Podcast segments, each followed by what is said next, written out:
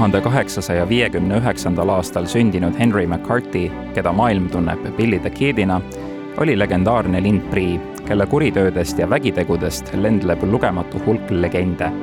Billy the Kidist eksisteerib palju raamatuid, aga ka filme.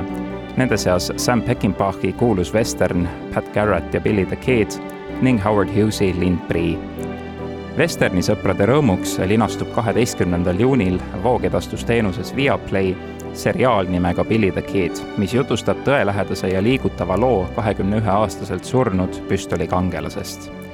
sarja looja Michael Hurst on tuudorite ja viikingite näol varemgi toonud teleekraanile suuremõõtmelisi ajaloolisi lugusid Billy the Kidi nimikangelast kehastab noor näitleja Tom Blythe, kellega mul, kultuuritoimetuse ajakirjanikul Ralf Sauteril, oli rõõm Zoomi teel vestelda. intervjuu on mõistagi inglise keeles. Hi, Tom. Hello, nice to meet you. Thank you for having me. Thank you for uh, coming to our podcast. I heard about the uh, news um, about your new performance in the Hunger Games uh, movie. There's a um, Hunger Games prequel movie coming out next year, which was news to me, and you're playing a really important role in the in the movie. Maybe I can uh, talk a little about your Hunger Games role.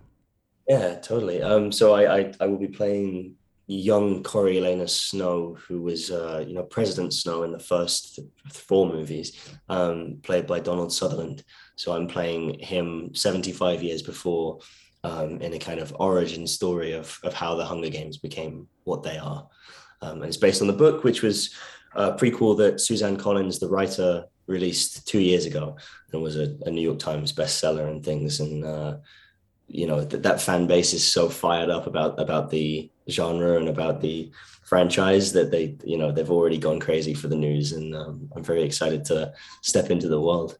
So you're basically going from 19th century old west to a very futuristic setting yeah, was, I guess it's dystopian, right? It's kind of dystopian American, I guess, is what what you'd call it. Um, but in a way, it's also a period movie because it's you know it's 75 years before the original Hunger Games.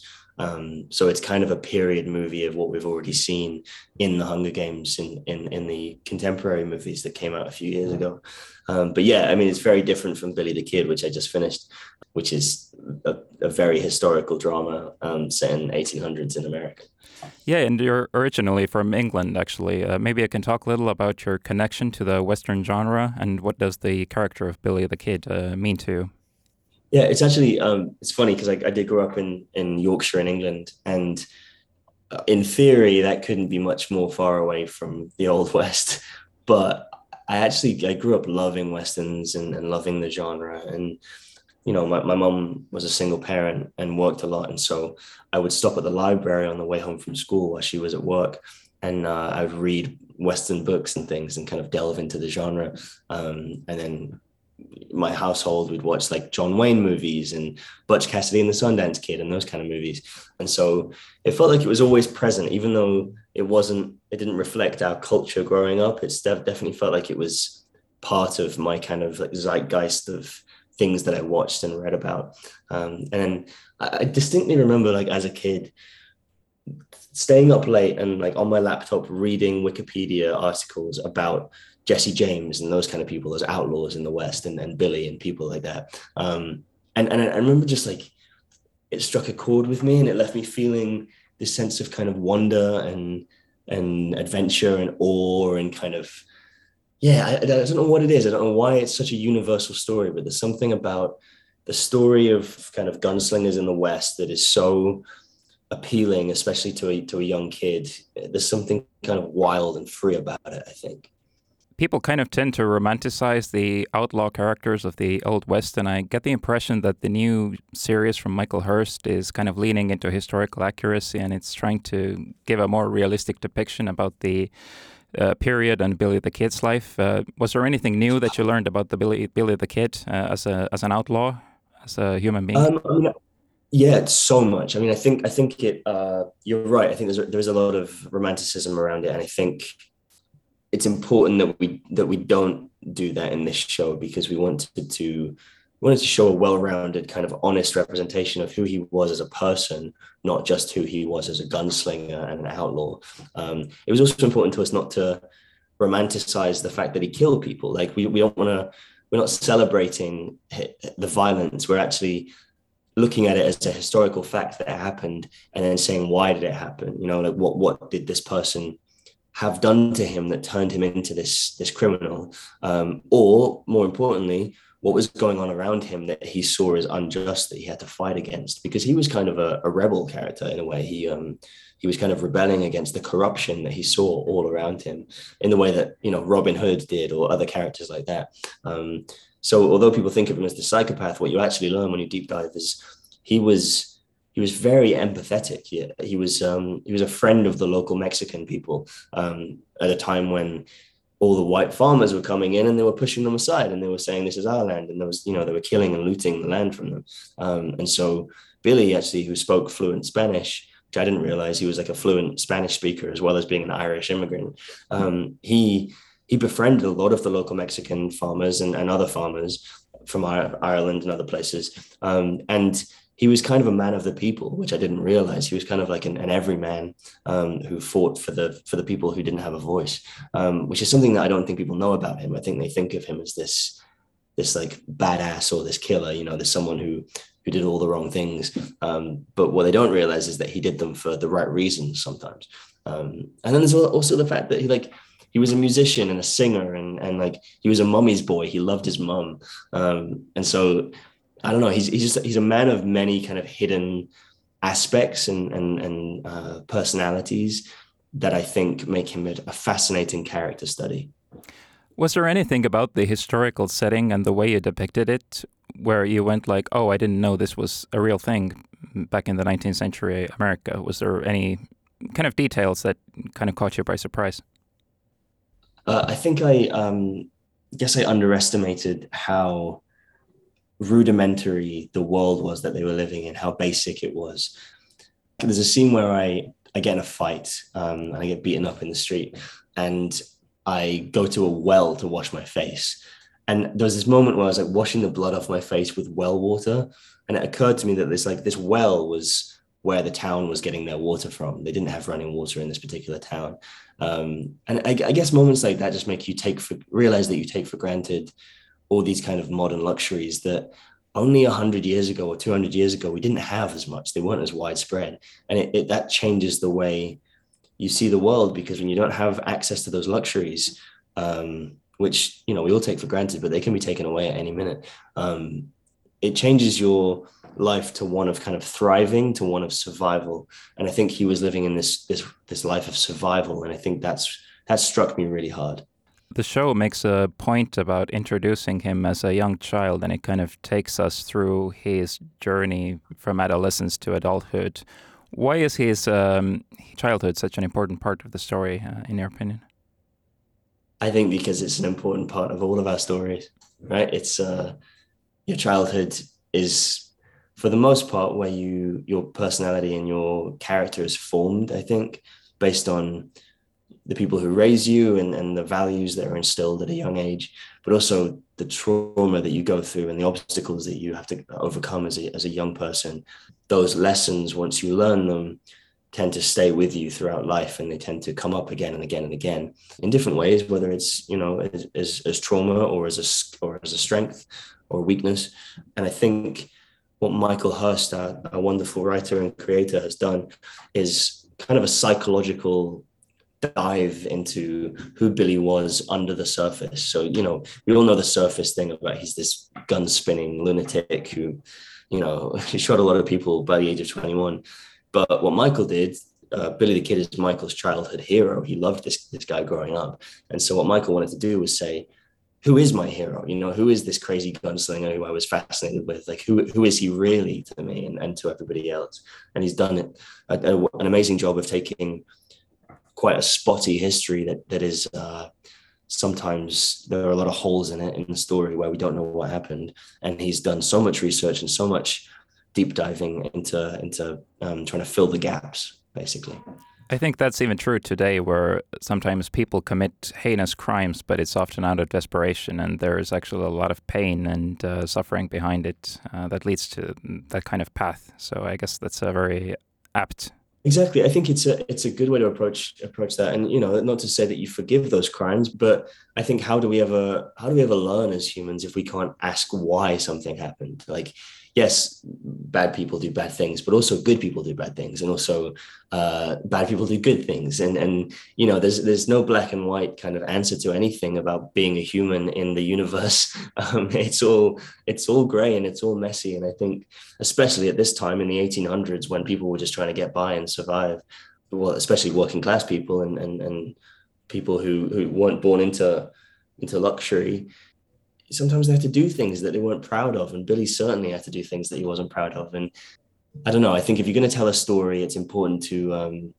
to tell it in its entirety and not just the kind of one-sided view of it, because otherwise, I think we lose empathy. And I think hopefully, what this show does is kind of give you an empathetic, not necessarily a forgiving, but an empathetic look at this person who who was sometimes bad and sometimes good. Uh, Billy the Kid is a historical figure who has uh, seen a lot of um, kind of legends and myths about him. Like it's probably kind of hard to tell what is true about him and what isn't. I think there was even some guy in the uh, 20th century who claimed to be Billy the Kid because there were like oh, rumors that he didn't really die when he was 21 and that he actually survived and was kind of hiding in, under an alias. Do you know what kind of like research went into uh, this character from the side of Michael Hirst when he was trying to create a kind of backstory for him? Yeah, I know. Well, Michael, all his work is history based. Pretty much everything he's done in television and film is history based, and, and he has a he has a deep, well established process of of research, and he has a, a dramaturg and a, and a historian that he works with to do his research. And and I know he read every book that was available. Um, the problem is is with something like this that yes, it's it's fact and it's history, but it's also a myth. A lot of the history that we think is factual is also a myth told from people's different perspectives and different agendas. And so what Michael has done, I think very cleverly and, and in a very it's something that's very difficult, is he's taken all these different stories and all these versions of events that supposedly happened. And he's tried to tell, I think very successfully tried to tell a as cohesive a kind of story as possible that ties all the loose ends together and helps you kind of understand a bit more of a, of a consecutive through line of Billy's life and all the events that made the man. Um, but at the same time, the fact is, and, and we have to accept this as storytellers, some of it is speculation and some of it is not going to be factual and not everyone's going to be happy with it. I saw a comment the other day um, from a fan that said, although this didn't happen like this, um, but if you read the book, you know there are several different events of how it happened, um, or several several different tellings of how it happened. So eventually, we kind of have to pick one and and and run with it because at the end of the day, it's not necessarily it's not necessary to get it 100% factually right because we don't know exactly what happened. What's necessary is that we take a human look at him and try and empathize with him and the events. Can we talk about method acting a bit because there's been a bit of a debate debate online about the whole method acting thing. Like some actors have called it silly and uh, ridiculous. Like, uh, how do do you get out of the character when you stop shooting, or kind of do you stay in that mindset of Billy the Kid? Yeah, I, I, think method acting is probably a bit misunderstood because um, I think everyone's method is different. I don't think there's any actor who has the same method as someone else. I think we all, you know, and, and there's sometimes the same actor will have a different method for a different character or a different job. You know, how I approached the Hunger Games this year will be different to how I approached Billy the Kid um, because each character requires its own um, its own approach. And I would say uh, for Billy, I it was less about being, you know, quote unquote method and more about learning all the skills that he had and learning to kind of walk in his boots, quite literally walk in his boots, but also like, you know, uh, metaphorically walk in his boots. So learning to ride and learning to shoot and learning to handle guns safely and effectively and um, trying to learn as much Spanish as I could in a short amount of time, um, which proved difficult. You know, all those things, because actually the more you do that, the more you find it changes your your rhythm and your your body and all and the way you speak and the way you walk and it, it changes where your center of gravity and your body is. The method thing is really just people taking that to different degrees of intensity. And if that works for them that's great. I i i think it's important to go home at night and be able to go to sleep and, and dream in your own voice because otherwise I think you can go insane. Um, that being said, after five months of walking in Billy's shoes, I definitely felt like I was a little bit like Billy. um, not, you know, I wasn't walking around with a gun and I wasn't doing anything crazy, but um, I definitely felt a bit more rugged. I felt a bit more, um, a bit more like a firecracker that could go off at any minute. Um, and you have to, you have to develop ways to let go of that at the end of the day. And for me, it was about like getting home, running a bath, playing some music, and just like letting go a little bit and and, and winding down. Um, going for walks and things, just like you know, to try and get back to your thoughts and kind of forget the character's thoughts a little bit. Um, but it changes. And, and at the end of the shoot, after five months, it's really hard to say goodbye to someone who you've portrayed, but you've also fallen in love with and, and you, you know, you respect them and you want to do them honor and, and, uh, yeah, it's, it's a difficult thing to say goodbye to a character who you love. Hopefully we'll have two more seasons or, or more to be able to revisit him. So once you get to the fifth season, it will be about the guy who's claiming to be Billy the Kid in uh, like 19. Exactly. Yeah, I'll be I'll be playing him as a 50 year old man. uh, you mentioned uh, uh firearms uh, for a bit and learning to shoot, and I hope you don't mind yeah. if I ask this, but last year the world was kind of shocked about the whole Rust thing, where Alec Baldwin fired the gun and the cinematographer died. And I was just wondering, maybe it could shed some light on what kind of uh, safety protocols uh, happen on the set of a western like this, where you're handling firearms. Yeah, yeah. Her name was Halyna Hutchins, and, and yeah, she sadly uh, was killed by a stray bullet. That was tragic and, and awful, and it happened just after we finished filming, and we were all kind of shocked by it because we were aware that, you know, that could have been well, it couldn't have been us because because there were uh, precautions in place. It was tragic because we we couldn't believe how it how it could have happened, knowing all the precautions that that that go into making a, a TV show or a film. All I can say is on our on our show, we were very very cautious the entire time. We had a lot of training, and the props department were incredibly cautious at all times and there was never a gun given to us that wasn't publicly checked in front of everyone to show them that the gun was cold and we call it cold you know it basically means doesn't have a have a round in it.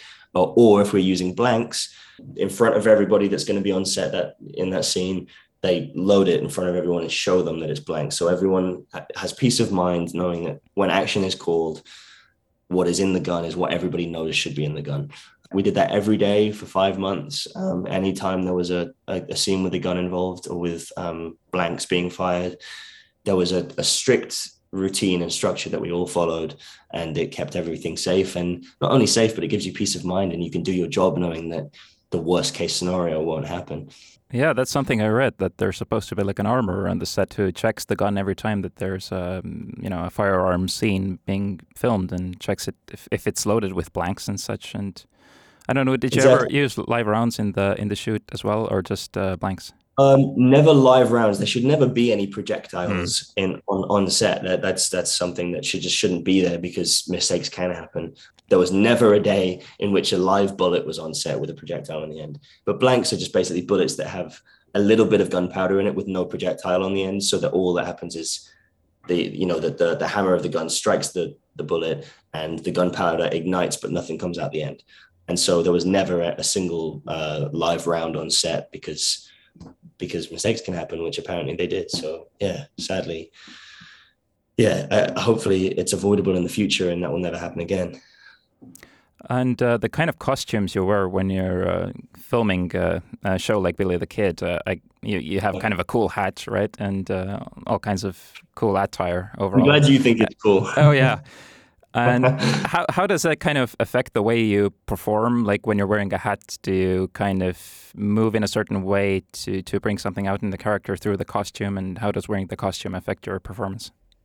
I think yeah. I mean, costume is such a big part of playing playing a character because um, it's like life, right? You get up in the morning and you, you look in your, your closet and you decide what you want to wear based on your mood that day or based on the weather.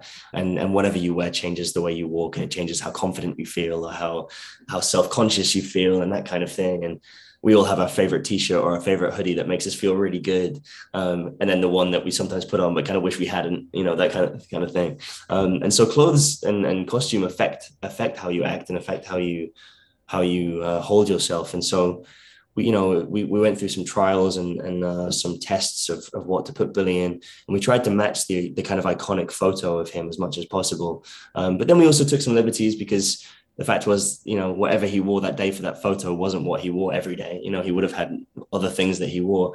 But the iconic jacket, which is kind of the ribbed, um, like corduroy jacket that he wears, was there was something about it when I put that on and then that with the hat. Um, I, I felt him come to me at that point. You know, I put it on. I was like, oh wow, this.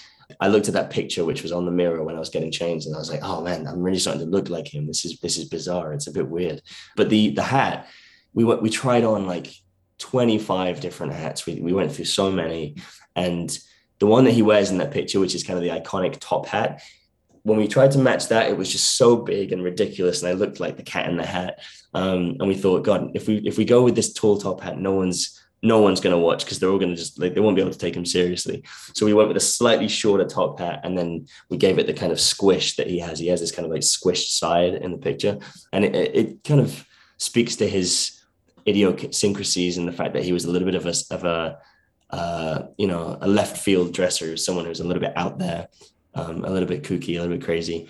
And I definitely felt that when I put that hat on, because most people would buy a new hat if they had a big, you know, a big dent in the side. But this is someone who who who liked to be different. He liked to be the odd one out, and so he puts that hat on. I think it probably gave him confidence to feel that he could do whatever he wanted because he wasn't playing by the rules in a way. And I definitely felt that. Uh, some people online have pointed out that you really look like Billy the Kid too. Like your facial features are kind of similar. Like when you were trying to get this role, did you kind of realize that yourself, or or no?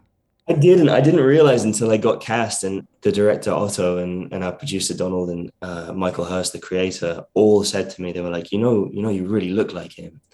I was kind of shocked because I didn't think I did. I, th- I thought I portrayed him as well as I could, but I didn't know that I looked like him. And then a few times, um, people have taken pictures of me side by side with Billy, and, and I can definitely see it. There are some similarities. I don't know if it's a compliment because he was kind of a funny looking guy, but I'll take it. Hey, uh, looking at you, you also remind me of a young Bob Dylan, and I'm kind of sad that Timothée Chalamet is already playing him in uh, in in, in so some new movie. Oh, am I? I will tell you that. I yeah, I uh, I love Bob Dylan. I grew up on Bob Dylan and uh, always wanted to play him, but hey, maybe there'll be another chance down the line. Maybe I'll play him when I'm a, a little older. Yeah, Bob Dylan. Uh, he, he recorded the soundtrack for the uh, Sam Peckinpah movie, uh, Pat Garrett and Billy the Kid. Yeah, a lot of the songs were, were originals for that movie. Yeah. Mm, which is which is yeah, I didn't realize that until we were filming, and, and my friend told me that they were all like uh, some of them were original soundtracks for that um, for that movie, which are now famous Bob Dylan songs. You know. Considering your um, appreciation for the Western genre, was it kind of hard to not emulate other Western actors, like I, I guess Clint Eastwood, perhaps, or like you, know, you probably wanted to create your own thing? It's always a risk when you're when you're doing a genre that's been done a lot before. But I I avoided watching any other. Um, I certainly avoided watching any interpretations of Billy. Uh, so you know, I avoided watching Left Handed Gun or Pat Garrett Billy the Kid or Young Guns, all those iconic movies, which I would love to watch again and again and again. But uh, if I did, I'd be worried that I would copy Paul Newman or Emilio Estevez or Val Kilmer and people who have played him before. So I um, I was very, very specific not to watch anything like that. And I, I barely watched any Westerns, to be honest, because I, I, watched a couple and, and, started to realize that I didn't want it to be a cliche. I didn't want it to be a trope or a, something that had been done before. So I, I kind of tried to treat it like it was a historical drama rather than a Western. With a Western, there's always going to be those Western things that you've seen before. There's always going to be the dust and the horses and the guns and, and the things that make it make it a Western but also, I think what we tried to do was strip it back and make it a little bit more historical, a little bit more gritty, a little bit more truthful and honest, rather than just being kind of a cliche of a Western. I guess uh, that's the direction that Michael Hirst really likes as well. Oh, yeah. Although I mean, he did the same with Vikings and the Tudors. He, he makes it, um, you know, he makes it more about the relationships and the people than it is about the cliche of the of the uh, of the genre. It is worth pointing out that the uh, show was directed by several people. Like there wasn't the same director in each episode. Uh, like you were switching yeah, directors. Which is, yeah, which is often the case in, in TV uh, most yeah. of the time, unless in, in a very specific instance, it's rare that the same director directs the whole thing. director who who set the tone for the show was Otto Bathurst, who also did the same thing for Peaky Blinders. Um, so he he's kind of tried and tested in getting a good historic show off the ground that um, creates a bit of a buzz and uh, and and also has its own voice and its own tone and and and that sort of thing. So Otto really he kind of he was really intent and determined to make the show not your typical western. He wanted to make it more of a of an immigration story, more of a family drama, more of a um, a thriller than it was just a western. Um, and I think I think he achieved it. I guess that's the connection we can uh, have when we watch the show with you know the present day. Mm, like mm, there are a lot of immigrant stories right now as well of people who are trying to achieve the American dream and uh, really not living up to it or achieving it. Yeah, one hundred percent. I mean, I don't know about you, um, but I definitely grew up kind of looking at America as this place that had all these opportunities, and I think a lot of us do, and especially you know in Europe and around the world. I think we all look at America as this place that is is still kind of the promised land in a way. Yes, it's it's it's messed up and it's got all these problems and it's got all these. Uh, I, don't have to spell it out. It's got a lot of issues, um, but but at the same time, it's also got this uh, this boldness to it and this kind of um, this promise that if you work hard, then then somehow you'll achieve greatness. Um, and I think that speaks to a lot of a lot of uh, people's dreams and, and dreams for something greater and something more. And and the show is about that as well. It's about the kind of the lie of the American dream and the fact that like, you know, these Irish immigrants were surviving the potato famine and they moved to New York. And when they got to New York, they were they were considered second class citizens and they weren't given rights and they weren't given work and food and water and they lived in slums. And so when someone says, hey, if you out west to uh, you know to, to either California or or to Santa Fe or you know New Mexico and Arizona, there's ample opportunity and plenty of land, and you can you know start a farm or a hotel or whatever you want to do. Um, so you should go out there, and they go out there, and once they get there, they realize that they've been lied to and that. Uh, you know, none of that is available. They have to start all over again and start afresh, and it's even harder once they get there.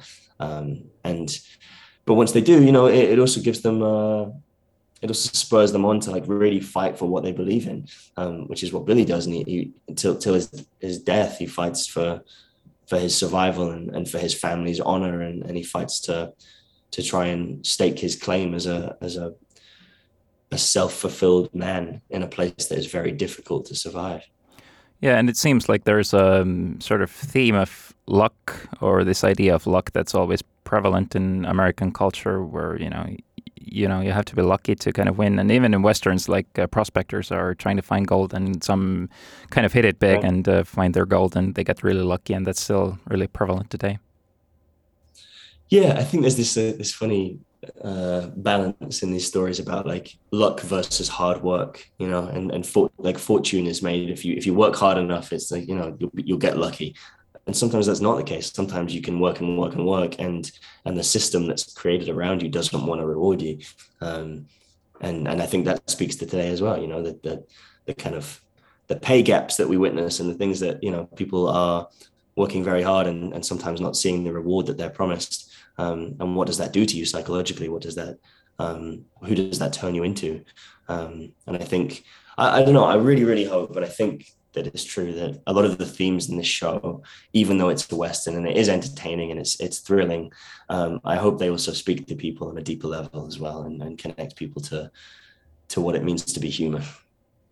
Well, you certainly hit it lucky with uh, your uh, Billy the Kid show and uh, Hunger Games, so I'm really proud of you. Thank you very much. I appreciate it.